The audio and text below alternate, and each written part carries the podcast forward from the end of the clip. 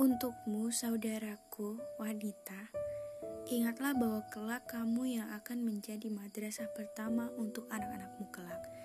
Kamu yang akan mendidiknya. Bagaimana bisa kamu mendidiknya menjadi ahli surga jika yang kamu lakukan untuk mempersiapkan untuk mendidiknya adalah jauh dari kriteria surga? Jika dia suali atau solihah, dia yang kelak akan menjadi salah satu amalan yang kamu miliki tidak akan terputus saat kamu meninggal. Jaga Iva dan Izamu juga marwahmu. Ingat bahwa malu adalah cabang dari iman. Tak perlu kau risau dan menangisi yang hanya memberi janji. Kelak akan ada yang datang bukan hanya dengan janji, tapi juga memberikanmu bukti.